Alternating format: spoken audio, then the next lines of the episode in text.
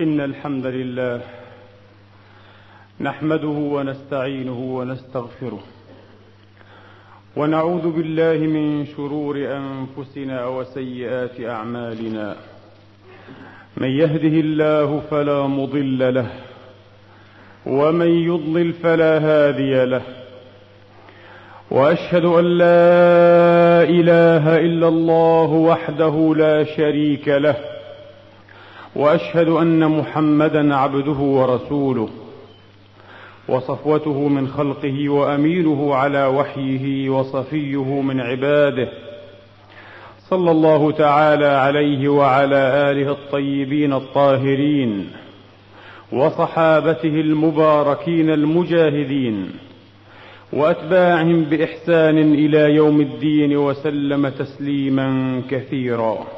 عباد الله أوصيكم ونفسي الخاطئة بتقوى الله العظيم ولزوم طاعته كما أحذركم وأحذر نفسي من عصيانه ومخالفة أمره.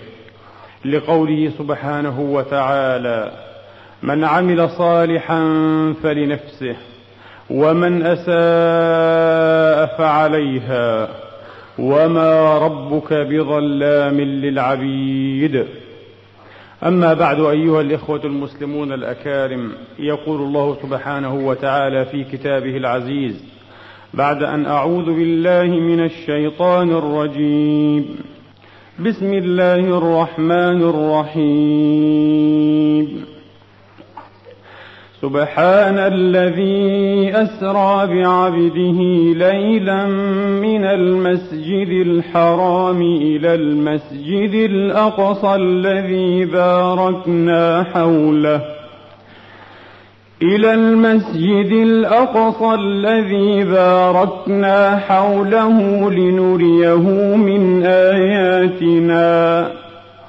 إنه هو السميع البصير. وآتينا موسى الكتاب وجعلناه هدى لبني إسرائيل.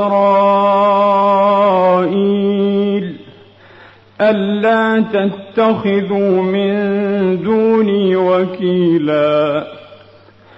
ذرية من حملنا مع نوح إنه كان عبدا شكورا. وقضينا إلى بني إسرائيل في الكتاب لتفسدن في الأرض مرتين ولتعلن علوا كبيرا. فإذا جاء وعد أولاهما بعثنا عليكم عبادا لنا أولي بأس شديد. بعثنا عليكم عبادا لنا أولي بأس شديد فجاسوا خلال الديار وكان وعدا مفعولا. ثم رددنا لكم الكرة عليهم وأمددناكم بأموال وبنين وجعلناكم أكثر نفيرا. إن أحسنتم أحسنتم لأنفسكم وإن أسأتم فلها فإذا جاء وعد الآخرة ليسوءوا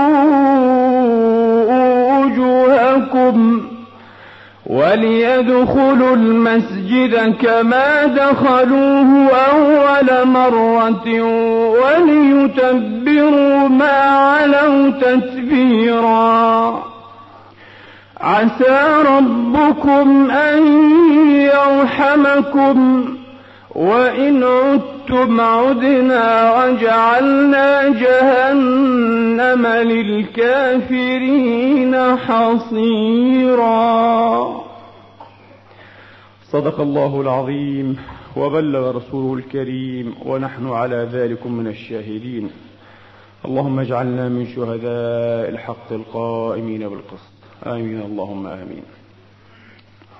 أيها الإخوة الأحباب بعد نكبة عام سبعة وستين التي يحلو لبعض أن يسميها نكسة وكله نكبات ومصائب وويلات. بعد هذه النكبة ثار اهتمام جديد بهذا السياق الكريم من سورة بني إسرائيل المعروفة بسورة الإسراء وهي بالاسم الأول أجدر وأحق لأن أكثر حديثها اتصل بهؤلاء القوم. وبهذا الشعب من الناس ببني إسرائيل وبهذه الملة. ثار اهتمام واضح وظاهر بتوجيه هذه الآيات توجيها جديدا. فإسرائيل التي كان ينظر إليها كثير من زعماء العرب على أنها مجرد قبل أن تكون إسرائيل على أنها مجرد فلول من شذاذ الآفاق لا يشكلون خطرا ولا يتهددون واقع الأمة. فضلا عن أن يرتهنوا مصيرها ومستقبلها وإن فعلوا شيئا من ذلك فما أيسر من طردهم ودحرهم بفلول أيضا من العرب. هذه إسرائيل المزعومة تضاعفت مرتين في ستة أيام في أيام النكبة. فبدأ أن الأمر جد وتيقظ النائمون وانتبه الحالمون وعلموا أن الأمر أكبر مما كانوا يظنون. وعادوا إلى كتاب الله سبحانه وتعالى علهم يجدون فيه العزاء والسلوان. فوجدوا هذا السياق المفعم بالنبوءة والبشرى.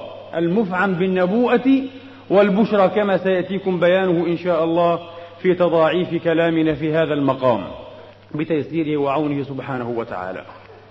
فوجهوا هذه الآيات ولأول مرة على مبلغ علمنا توجيها جديدا. إذ ذهب كثير من العلماء والباحثين والمفكرين والمفسرين إلى أن هاتين الإفسادتين المذكورتين في هذا السياق الكريم وفي هذا النظم العجيب لم تقعا قبل الإسلام كما عليه كل المفسرين الأقدمين وإنما وقعت أولاهما في مدينته عليه الصلاة وأفضل السلام لأول عهد الدنيا بالإسلام الحنيف والأخرى ستقع في زماننا هذا وفي عصرنا. وهذه بداية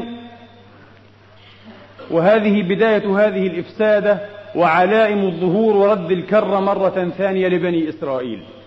هذا التفسير لم يقل به أحد قبل هذه النكبة. لأول مرة صدع به بعض العلماء بعد النكبة الأسباب التي ذكرنا الأسباب التي ذكرنا لعلهم يجدون فيه العزاء والسلوان وإن فيه إن شاء الله تعالى لعزاء وسلوانا وأي عزاء وأي سلوان. لكن لا زال العلماء والناس مختلفين في فهمهم لهذا السياق الكريم لهذه الآيات العظيمة من سورة الإسراء ومن سورة بني إسرائيل. وبي أن أصنف آراء العلماء والمفسرين والمفكرين إزاء هذا السياق إلى أقسام أو تصانيف يمكن أن تكون محددة ودقيقة. فقد رأيت أن الناس في موقفهم أو في فهمهم لهذه الآيات أربعة أقسام. قسم قال بوقوع هاتين الإفسادتين أو بوقوع المرتين أو بمرورهما قبل الإسلام وكذا أيضا بوقوع العقوبتين أو التدميرين في حق بني إسرائيل. وهؤلاء هم كل المفسرين القدامى. وقد راجعت عشرين تفسيرا بدءا من معاني القرآن لأبي زكريا الفراء رحمة الله تعالى عليه وانتهاء بفتح البيان لصديق حسن خان البهوبالي. كلهم قائل بهذا القول ويختلفون قليلا في بعض الأمور الفرعية. وممن قال بهذا القول أيضا أي أنهما مرتا وتصرمتا ووقعتا قبل الإسلام من المعاصرين وهم كثر أيضا. الشيخ الإمام جمال الدين القاسمي علامة الشام في عصره صاحب محاسن التأويل والشيخ الإمام الطاهر بن عاشور صاحب التحرير والتنوير في تحريره وتنويره والشيخ محمد حسين الطبطبائي من مفسري الشيعة الإمامية الاثنى عشرية. وقال به أيضا شيخ الأزهر العلامة محمود شلتوت كما قال به الشيخ المرحوم محمد الغزالي ويقول به الدكتور القرضاوي والمرحوم الشهيد سيد قطب. وكثيرون وعبد الحليم محمود أيضا شيخ الأزهر في وقته كثيرون غيرهم قالوا بهذا القول. والشيخ عبد الحميد كشك وليس كما نسب إليه بعضهم أنه يقول بالقول الآخر كلا هو قائل بهذا القول في كتابه نفحات من الدراسات الإسلامية نفحات من الدراسات الإسلامية. فريق آخر من الأقدمين الذين أيضا يطبقون مع بقية العلماء والمفسرين على وقوع المرتين قبل الإسلام إلا أنهم يسكتون عن التعيين. لا يدرون متى وقعت هاتان المرتان. يسكتون إلا أنهم أيضا مطبقون على وقوعهما قبل الإسلام كعبد الجبار المعتزلي العلامة المعتزلي الكبير وكالإمام الحافظ ابن كثير كما يفهم من كلامه وأيضا من المعاصرين العلامة الشيخ محمد الأمين الشنقيطي صاحب أضواء البيان تفسيره الشهير. واسترضى أو رضي به وسكت عليه الشيخ العلامة محمد حسنين مخلوف في تفسيره صفوة البيان. فريق ثالث من المعاصرين. إذا هذان الفريقان من القدماء ومن لف لفهم وأخذ إخذهم من المعاصرين. فريق ثالث من المعاصرين يقول بوقوع الإفساد الأولى قبل الإسلام ويختلفون في تعيين زمانها. وعلى يد من؟ من كان المسلط على بني إسرائيل؟ هل نبوخذ نصر أو سنحاريب أو سرجون أو خردوس البابلي؟ إلى غير ذلك. أقاويل كثيرة. لكن المرة الثانية قالوا هي التي ستقع في عصرنا وأشراطها وعلائمها ظاهرة ولائحة. إذا المرة الأولى قبل الإسلام والمرة الثانية الآن في هذا العصر في هذا الوقت الذي نعيش. قال بهذا القول الشيخ سعيد حوى في أحد الفهمين له ورجحه وقواه ومال إليه في كتابه الأساس في التفسير. والشيخ عبد الرحمن حسن حبنك الميداني في كتابه مكايد يهودية مكايد يهودية. وربما قال به غيرهما والله تعالى أعلم. والقول الرابع والأخير أو الفريق الرابع والأخير فريق المعاصرين الذين يرون هم من المعاصرين وليس كل المعاصرين كما رأيتم من المعاصرين. من يرى أن المرة الأولى وقعت أيام رسول الله في مدينته المنورة على منورها ألف تحية وألف سلام. والمرة الثانية هي التي ستقع في عصرنا هذا. والواقع يشهد بذلك يقولون ولعل أول من قال بذلك هو الشيخ عبد المعز عبد الستار في بحث وجيز جدا له وليس مطولا ولا مستقصيا لكنه أول من قال بهذا القول وهو من أساتذة الأزهر الشريف وقال به الشيخ المرحوم محمد متولي الشعراوي والدكتور مصطفى محمود والدكتور عبد آه، عبد الفتاح سعيد وقال به أيضا من المعاصر الدكتور صلاح الدين الخالدي في أكثر من دراسة وفي أكثر من كتاب له في أكثر من دراسة وفي أكثر من كتاب له وغيرهم وغيرهم كثيرون. قالوا بهذا القول قالوا بهذا القول. نحن نريد في هذا الوقت الضيق والضيق جدا الذي لا يتسع بداهة إلى محاكمة هذه الآراء ولا يعني إلى بعض ذلك. أن نعرض لوجهة نظرنا في هذه المسألة والتي تذهب إلى أن ملاحظة الأدلة ومراعاة الوقائع التاريخية تخدم القول الأخير أكثر مما تخدم أي قول سواه. أن المرتين تختصان بأمة محمد الأولى وقعت في المدينة والثانية هي التي ستكون في عصرنا هذا. الأدلة كثيرة جدا من السياق ذاته ومن وقائع التاريخ تخدم هذا القول تخدم هذا القول.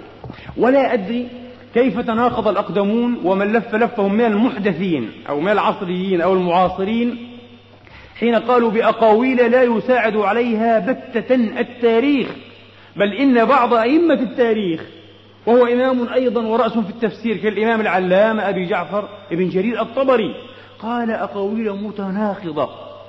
تاريخه نفسه الذي كتبه تاريخ الرسل والملوك يتناقض مع هذه الأقاويل. فما معنى أن يقال مثلا؟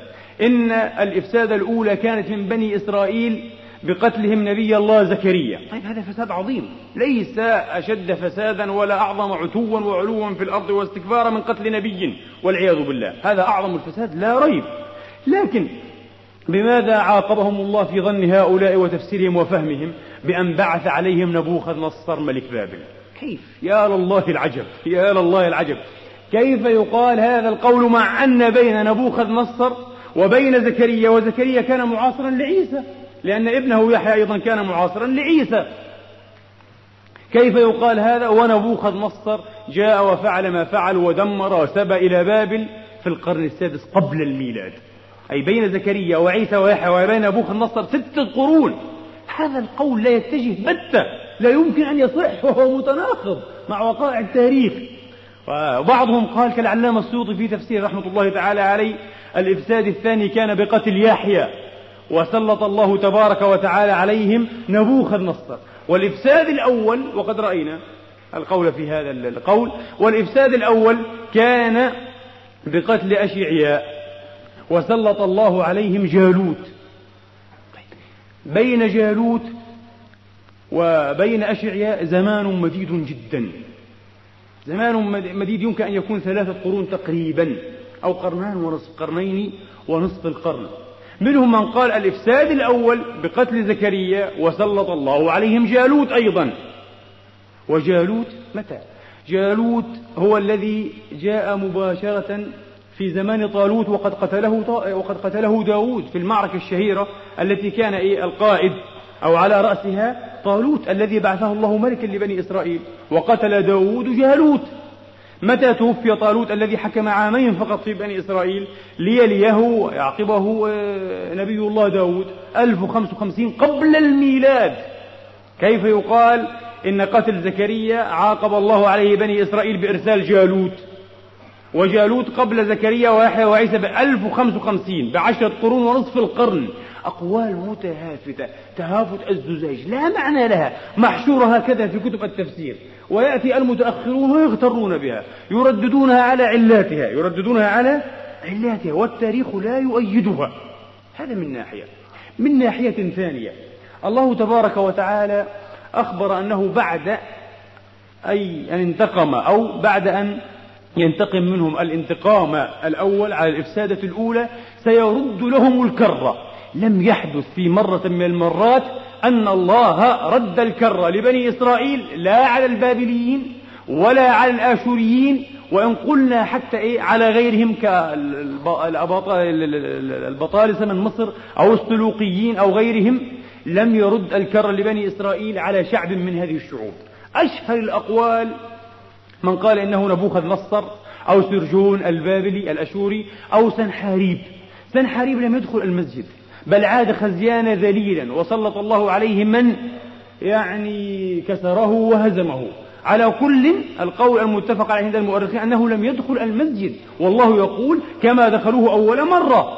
إذا لا يصح أن يكون سنحاريب ثم إن الله لم يرد الكرة لبني إسرائيل على سنحاريب وقومه. طبعا بداهة لم يرد الكرة لهم على نبوخذ نصر.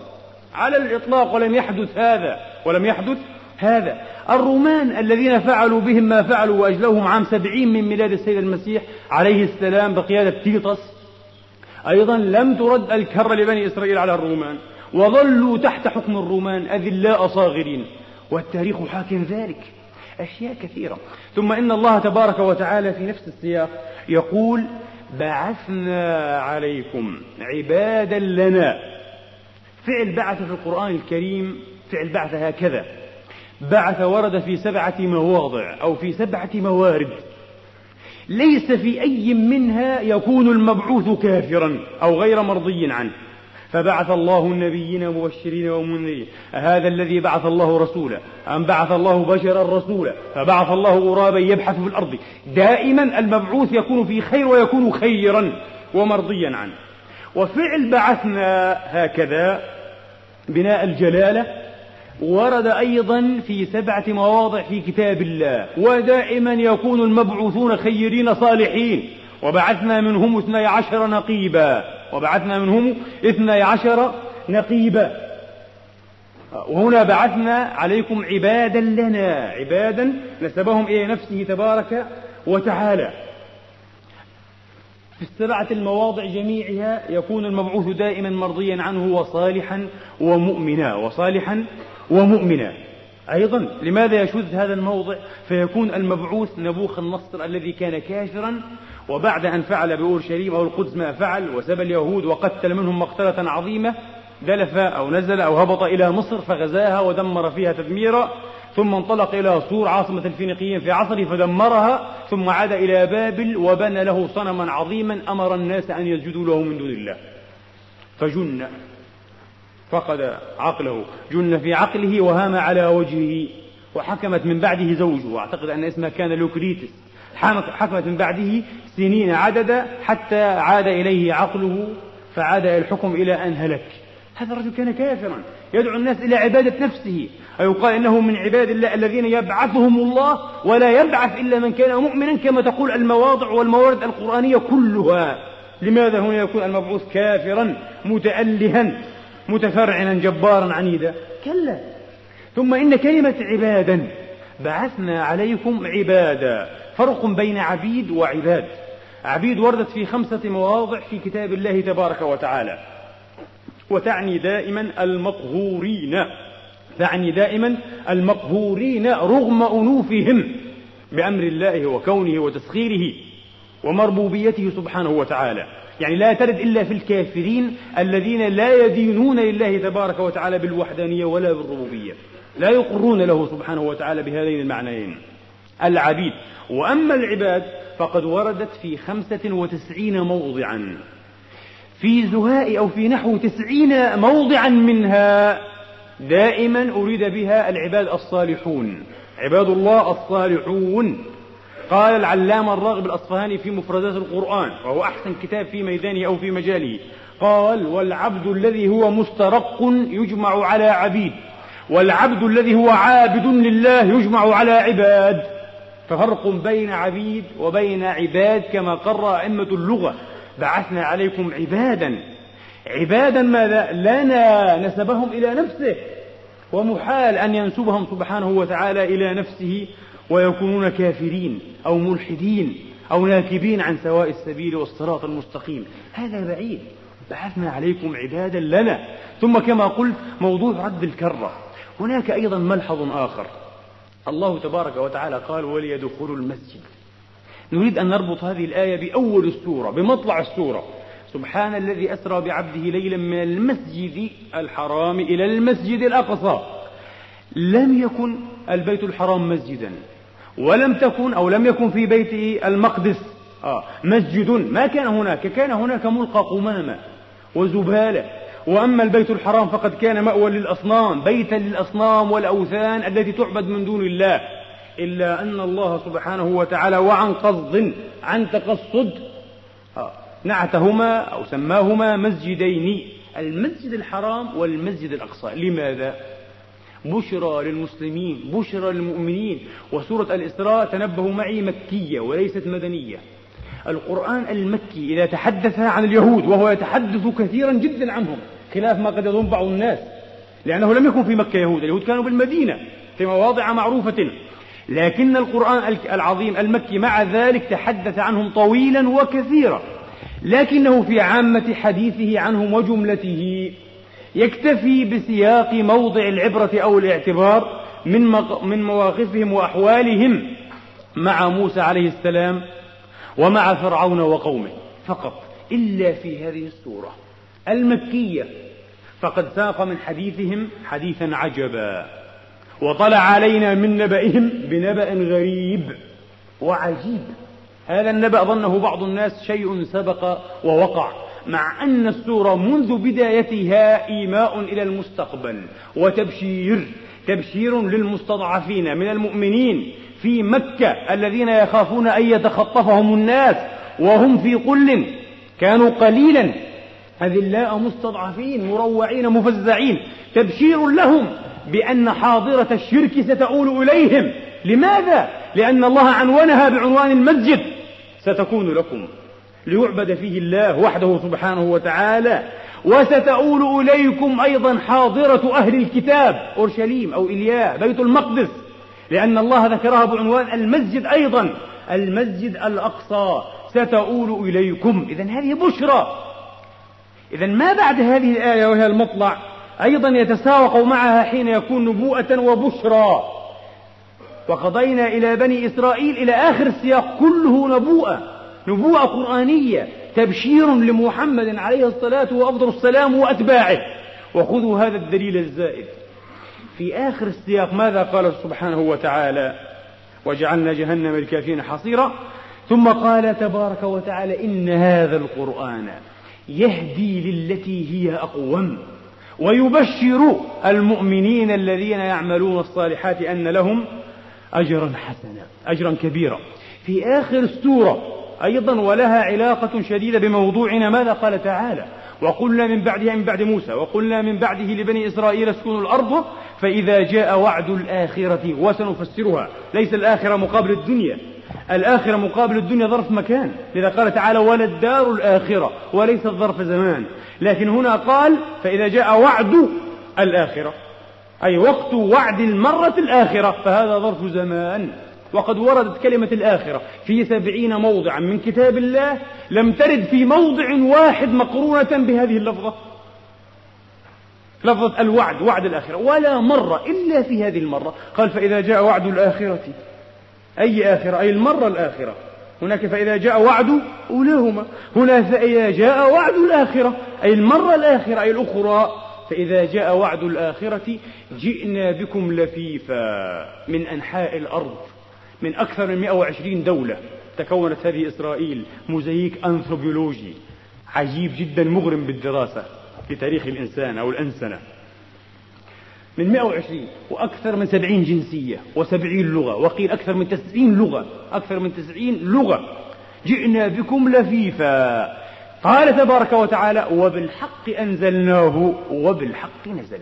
هذا التعبير في ظني ومبلغ علمي البسيط الصغير تعبير يؤشر على كون ما ذكر نبوءة. على كون ما ذكر نبوءة. فإذا جاء وعد ربي جعله دكاء أو دكة. وكان وعد ربي حقا. وبالحق أنزلناه وبالحق نزل. هل وجدتم ما وعد ربكم حقا؟ إنا وجدنا ما وعدنا رب يقول الذين نسوه من قبل قد جاءت رسل ربنا بالحق. ويستنبئونك أحق هو؟ قل إي وربي إنه لحق. وعد حق وسيأتي ويتحقق وما أنتم بمعجزين. هذا التعبير منبئ بكون ما ذكر معجزة للقرآن الكريم لأنه تنبأ بنبوءة سيصدقها الزمان. وبالحق أنزلناه وبالحق نزل. وبالحق أنزلناه وبالحق نزل. ونعود إلى أول السياق الكريم. بعض الناس يشكل عليه أن الله تبارك وتعالى قال وقضينا إلى بني إسرائيل في الكتاب. قالوا الكتاب لا يجوز ولا يسوغ وهو مما يستضعف ويسترذل أن يفسر باللوح المحفوظ ونحن مع هذا الرأي. نعم. لأن الألف واللام هنا للعهد. إذ ذكر الله سبحانه وتعالى قبلها وقال وآتينا موسى الكتاب. ثم قال وقضينا إلى بني إسرائيل في الكتاب. فحقيق أن يراد بهذا الكتاب الكتاب المذكور قبيل قليل. الكتاب المذكور سلفا أو آنفا وهو التوراة. وهذا حق. وماذا في هذا من إشكال؟ يعني كأنه لكي تكون هذه النبوءة صادقة ونبوءة قرآنية ينبغي ألا تذكر في التوراة. أو يفهمون أنها إن ذكرت في التوراة فينبغي أن تتحقق. كلا هي في التوراة كما هي في القرآن. نبوءة تتحقق في وقتها لكل كتاب أجل. لكل كتاب أجل تتحقق في وقتها. وقد تكون حقا مكتوبة لديهم في التوراة إلا أنها مما إيه؟ مما يخفى ولا يظهر ويستر ولا يشهر لأنها إخزاء لهم وتثبيط لهممهم وعزائمهم وقد حدثني من لا أكذبه في حديث أنه جلس إلى حبر يهودي مرة في سيارة جلس إليه فأخرج الحبر من جيبه أو من كمه قرآنا. فعجب المسلم قال أنت تقرأ القرآن؟ قال أقرأه كما أقرأ التوراة. قال يا فلان لا أقولها مجاملة لك. هذا القرآن أنبأ عن مصيرنا كما تنبئنا التوراة تماما. ونحن في آخر مرة لنا. وسيقودنا سياسيون هؤلاء العلمانيون الكفرة إلى مذبحة مريعة التوراة تقول هذا والقرآن يقول هذا. أنا سأتيكم بدليل عجيب جدا. حين نزل بنو قريظة يهود بني قريظة ورضوا أن ينزلوا على حكم صاحب الجليل سعد بن معاذ رضي الله تعالى عنه وأرضاه. وحكم فيهم بما حكم الله به من فوق سبعة أرقعة على حد تعبير المصطفى عليه الصلوات والتسليمات بأن تقتل إيه؟ المقاتل منهم وتسبى ذراريهم وتؤخذ نساؤهم وتؤخذ أرضهم. فقتل منهم نحو 1600 وقيل أكثر وقيل أقل. حين اقتيد حيي بن أخطب اليهودي شيطان تحزيب الأحزاب. لأن الله قضى فيهم بذلك أنهم حزبوا الأحزاب قريش وغطفان على المسلمين ونكثوا عهدهم وكفروا بذمة المسلمين. وتألبوا إلبا واحدا ضدهم. ففعل بهم ما فعل بأمر الله عليه الصلاة وأفضل السلام. حين اقتيد حيي بن أخطب شيطان تحزيب الأحزاب اليهودي إلى مقتلته إلى مذبحته ماذا قال؟ التاريخ سجل هذا. قال كتاب وقدر. وقضينا إلى بني إسرائيل في الكتاب. كتاب وقدر وملحمة كتبها الله على بني إسرائيل. ألا يدل هذا على أن هذه هي الذبحة الأولى؟ هذا هو التدمير الأول وهذه هي إفسادتهم الأولى؟ كتاب وقدر وملحمة كتبها الله على بني إسرائيل. إذا لا يعكر على ما نحن فيه أن يقال إن الكتاب الذي قضى الله في ذلك هو التوراة. فلتكن التوراة. هي نبوءة في التوراة كما هي نبوءة في القرآن. ومضاف إلى إذا فإذا جاء وعده هذا لما يستقبل من لما يستقبل إيه؟ من الزمان. ولكل كتاب أجل لكل كتاب. وعلينا أن نطابق بين الوقائع وبين ما في القرآن بدقة. قوله تبارك وتعالى وليدخلوا المسجد هذه اللفظة ليدخلوا المسجد ولم يكن مسجدا. لم يكن مسجدا بالمعنى الاصطلاحي الشرعي لكلمة مسجد. بماذا يؤذن هذا القول؟ يؤذن أن الذين يدخلونه في المرتين هم المسلمون هم الموحدون. دخلناه أول مرة عام خمسة, خمسة عشر من هجرة المصطفى عليه الصلاة والسلام وكان الفاتح هو عمر بن الخطاب رضوان الله تعالى عليه. لكن قد يقول قائل نحن دخلناه وما كان اليهود فيه أثر. اليهود لم يكونوا ببيت المقدس كانوا حوالينا لكن لم يكونوا ببيت المقدس ولم يكن بأيديهم بل كان بأيدي الرومان الذين أي استلبوه من الفرس قبل قبل ذلك بفترة بسيطة جدا. كان بأيدي الرومان. نعم. ولذلك انظروا إلى حكمة القرآن وتدقيقه. لم يذكر صراحة في العقاب الأول على الإفسادة الأولى دخول المسجد. لم يذكره. لكنه في المرة الثانية والله تبارك وتعالى منزل القرآن يعلم أن بني إسرائيل أو اليهود سيكونون في المسجد ويحتلونه ويغلبون أهله عليه. قال تعالى وليدخلوا المسجد. كما دخلوه أول مرة. ولا ريب أن دخول المسلمين المسجد أول مرة. وقد كان بأيدي الرومان فيه نكاية وفيه إغاظة شديدة لليهود الذين كانوا بلا شك يطمعون في دخوله هم لكن الله لم يقيض لهم ذلك. وقيض ذلك للمسلمين. فدخلوه فاتحين منتصرين. بناة حضارة ومجد. وفي هذا ما فيه من إغاظة كما قلت ونكاية باليهود. لكن في المرة الثانية سندخله وهو بأيدي يهود لذا صرح القرآن بالمسجد هنا. قال وليدخلوا المسجد. كما دخلوه أول مرة. وليتبروا ما علوا تتبيرا إذا التعبير بلفظة المسجد فيه ما يومئ وما يدل على أن الداخل في المرتين هم المسلمون. فكلمة المسجد تختص بالمسلمين.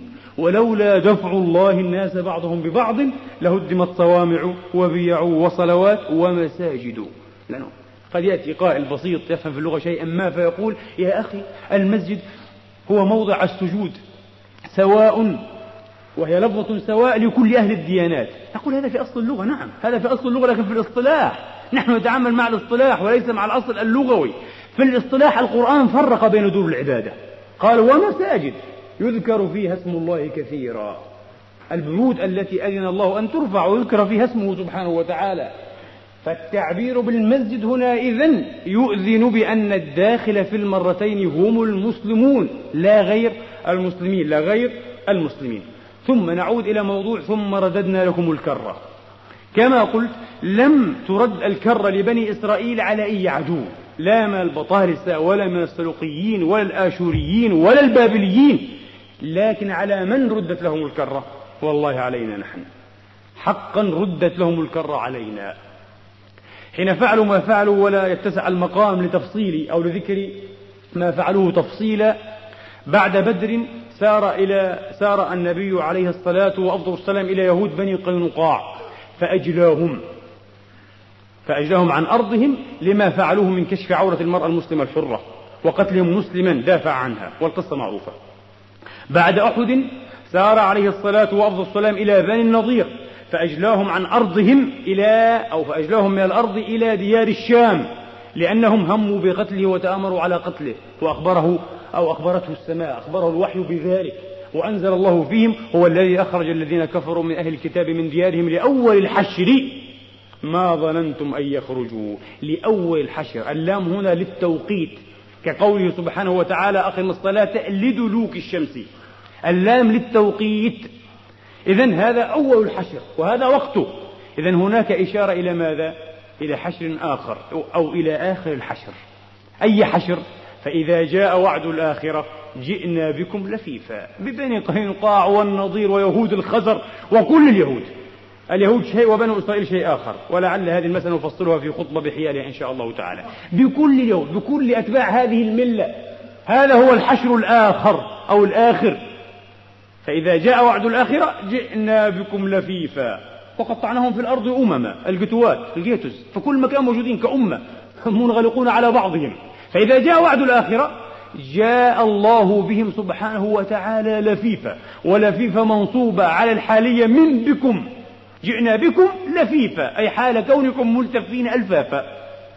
وهذا هو إيه؟ مشهد إيه اندلاعهم مشهد اندلاعهم إلى فلسطين الأرض المقدسة في هذا الزمن كما ترون.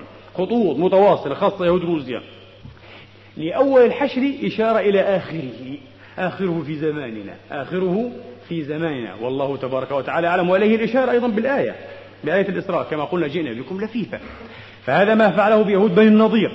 وبعد الأحزاب سار عليه الصلاة وأفضل السلام إلى قريظة أي إلى يهود بني قريظة. وفعل بهم ما تلوته على مسامعكم. وأنزل الذين ظاهروهم من أهل الكتاب يهود قريظة من صياصيهم جمع صيصية الحصن. وقذف في قلوبهم الرعب. وقذف في قلوبهم الرعب. فريقا تقتلون وتأسرون فريقا. وفعل الله بهم ما فعل ونكل بهم النكال البعيد الأشد. لا إله إلا هو الواحد القهار. وبعد الحديبية سار النبي هذا بعد الأحزاب. بعد الحديبية سار النبي عليه الصلاة وأفضل السلام إلى خيبر.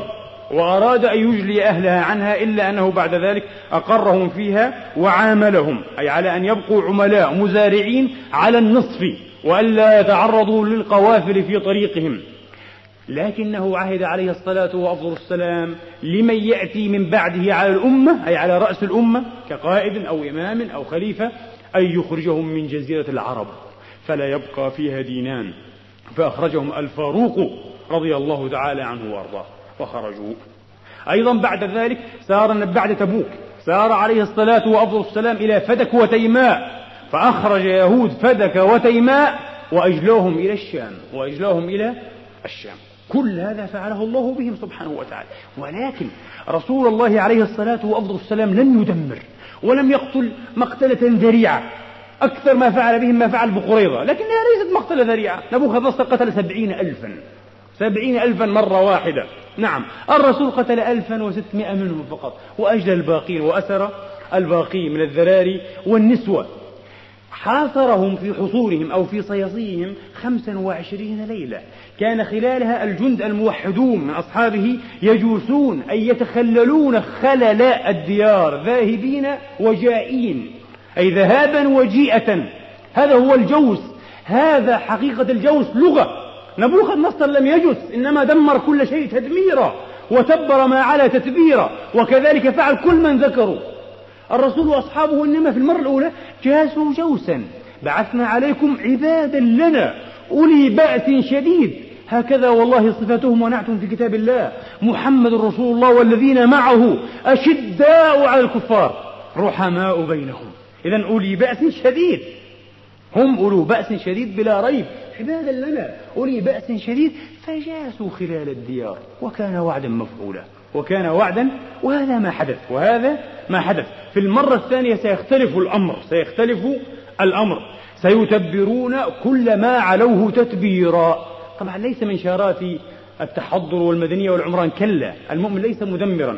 المؤمن يحقق النصر ولا يحقق الدمار. يحقق النصر ولا يحقق الدمار. وإنما معنى الآية سيتبرون كل ما علوا مما هو شارة ورمز للكفر. يعني لا قدر الله لو كانوا قد بنوا الهيكل هذا الهيكل لا ريب سيدمر تدميرا ويتبر تتبيرا يكسر تكسيرا وكل ما هو متبر فهو تبر. يقال تبر عن الذهب المكسر تكسيرا. كل ما هو إيه مكسر فهو تبر أو يسمى تبرا. ويتبر ما علوا تتبيرا. بعض الناس قال لا ليس من شيمة المسلمين التدمير وليس من شيمة الكلام خطابي وليس من شيمة المسلمين. حين تقوم الحرب وتضرب بجيرانها وتنوء بكلكلها فإنها تهلك الأخضر واليابس. قد لا يستطيع الجندي المسلم ولا غير مسلم أن يتخير في التدمير. قال تبارك وتعالى في بين النظير يخربون أي يخربون بالتخفيف يخربون بيوتهم بأيديهم وأيدي من؟ وأيدي المؤمنين. قد يخرب المؤمن. نعم. حين تفرض الحرب ذلك هذا قد يحصل. لكن حين يكون المؤمن بالخيار فإنه لا يدمر. طيب. مسألة أو استفسار آخر. هل حصل اليهود علو في الأرض؟ العلو عموما تطلق في منطق القرآن ويراد بها الإفساد والتكبر والغطرسة ليس مجرد الإفساد. يعني قد يكون الإنسان مفسدا لكنه ليس عاليا لأنه لا يمتلك سلطانا ولا يمتلك قهرا ولا يمتلك قهرا ولا قوة ولا اقتدارا. هذا مفسد. فرعون وصفه, وصفه الله تبارك وتعالى بأنه كان إيه؟ عاليا في الأرض وبأنه كان من المفسدين. فساده شيء وعلوه شيء آخر. علو يقارنه فساد. طبعا أنبه أنه ليس من شرط قوله تبارك وتعالى لتفسدن في الأرض مرتين ولتعلن علوا كبيرا أن العلو يكون في كلتا المرتين. كلا. بل قد يفهم أو ينفهم من الآية أن العلو يقارن المرة الثانية فقط. وهذا جار على قواعد العربية. ممكن تماما. ويمكن أيضا أن يقارن المرتين. بحسب أو في ضوء ما ذكرنا من تفسير أو فهم يبدو أن العلو يقارن هنا المرة الثانية ولا يقارن المرة الأولى. بعض الناس قالوا لا لقد علوا في زمان داود وسليمان وقد حكم عليهما السلام بني إسرائيل ثمانين عاما. الفترة الزاهية المزدهرة في تاريخ يهود صحيح أو في تاريخ بني إسرائيل. لكن هل كان علو سليمان وداود أبيه علوا يرافقه فساد؟ حاشاهما. وحاشا لله. كان علوا طيبا علوا بالحق والإصلاح. إذا هذا التفسير ساقط أيضا. لم يحدث لهم علو في التاريخ يرافقه فساد وغطرس وجبروت إلا في زماننا هذا. حتى العلو المادي. متى كان في فلسطين مثل هذه العمائر ومثل هذه الأبرية الشاهقة العظيمة؟ فقد بناها بنو إسرائيل. بناها يهود. هناك علو. هناك أي علو حقيقي. بكل المعاني. علو عمراني ومدني وعلو أيضا غطرسة وتجبر وطغيان. يرافق فسادا كبيرا يرافق فسادا كبيرا. والله تبارك وتعالى أدركنا الوقت. بقيت هناك دلائل وإشارات كثيرة جدا لعلها أكثر مما ذكرنا. فإن شاء الله تبارك وتعالى في موضع آخر وربما في درس من دروس السبت نكمل هذه الإشارات وهذه التفهيمات حتى يضح معنى هذا السياق الجليل في أذهان كثير منا. والله تبارك وتعالى يقول حقا وهو يهدي السبيل. أقول ما تسمعون وأستغفر الله لي ولكم فاستغفروه. لا إله إلا الله وحده لا شريك له. الملك الحق المبين وأشهد أن سيدنا محمدا عبده ورسوله الصادق الوعد الأمين صلى الله تعالى عليه وعلى آله الطيبين الطاهرين وصحابته المباركين المجاهدين وأتباعهم بإحسان إلى يوم الدين. اللهم إنا نسألك الهدى والتقى والعفاف والغنى. بلغنا مما يرضيك آمالنا. واختم بالباقيات الصالحات أعمالنا. واكفنا ما أهمنا من أمر دنيانا وأمر أخرانا. اللهم زدنا ولا تنقصنا وأكرمنا ولا تهنا وأعطنا ولا تحرمنا وخذل عنا ولا تخذلنا. اللهم ارحم موتانا واشف مرضانا. ورد غائبنا وفك أسرانا يا رب العالمين. اللهم إنا نسألك ونبتهل إليك بالدعاء والضراعة أن تنصر الإسلام والمسلمين وأن تعلي بفضلك كلمتي الحق والدين. اللهم انصر من نصر الموحدين واخذل من خذل عبادك المسلمين. اللهم عليك بأعدائنا أعداء الدين أحصهم عددا وأهلكهم بددا ولا تبق منهم أحدا وأدر عليهم دائرة السوء واجعل تدميرهم في تدبيرهم يا رب العالمين. اللهم اغفر لنا ما قدمنا وما أخرنا وما أسررنا وما أعلنا وما أسرفنا وما أنت أعلم به منا. اغفر لنا ولوالدينا وللمسلمين والمسلمات المؤمنين والمؤمنات الأحياء منهم والأموات بفضلك ورحمتك إنك سميع قريب مجيب الدعوات. عباد الله إن الله يأمر بالعدل والإحسان وإيتاء ذي القربى وينهى عن الفحشاء والمنكر والبغي يعظكم لعلكم تذكرون. اذكروا الله يذكركم واشكروه يزدكم وسلوه يعطكم. وقوموا إلى صلاتكم ويرحمكم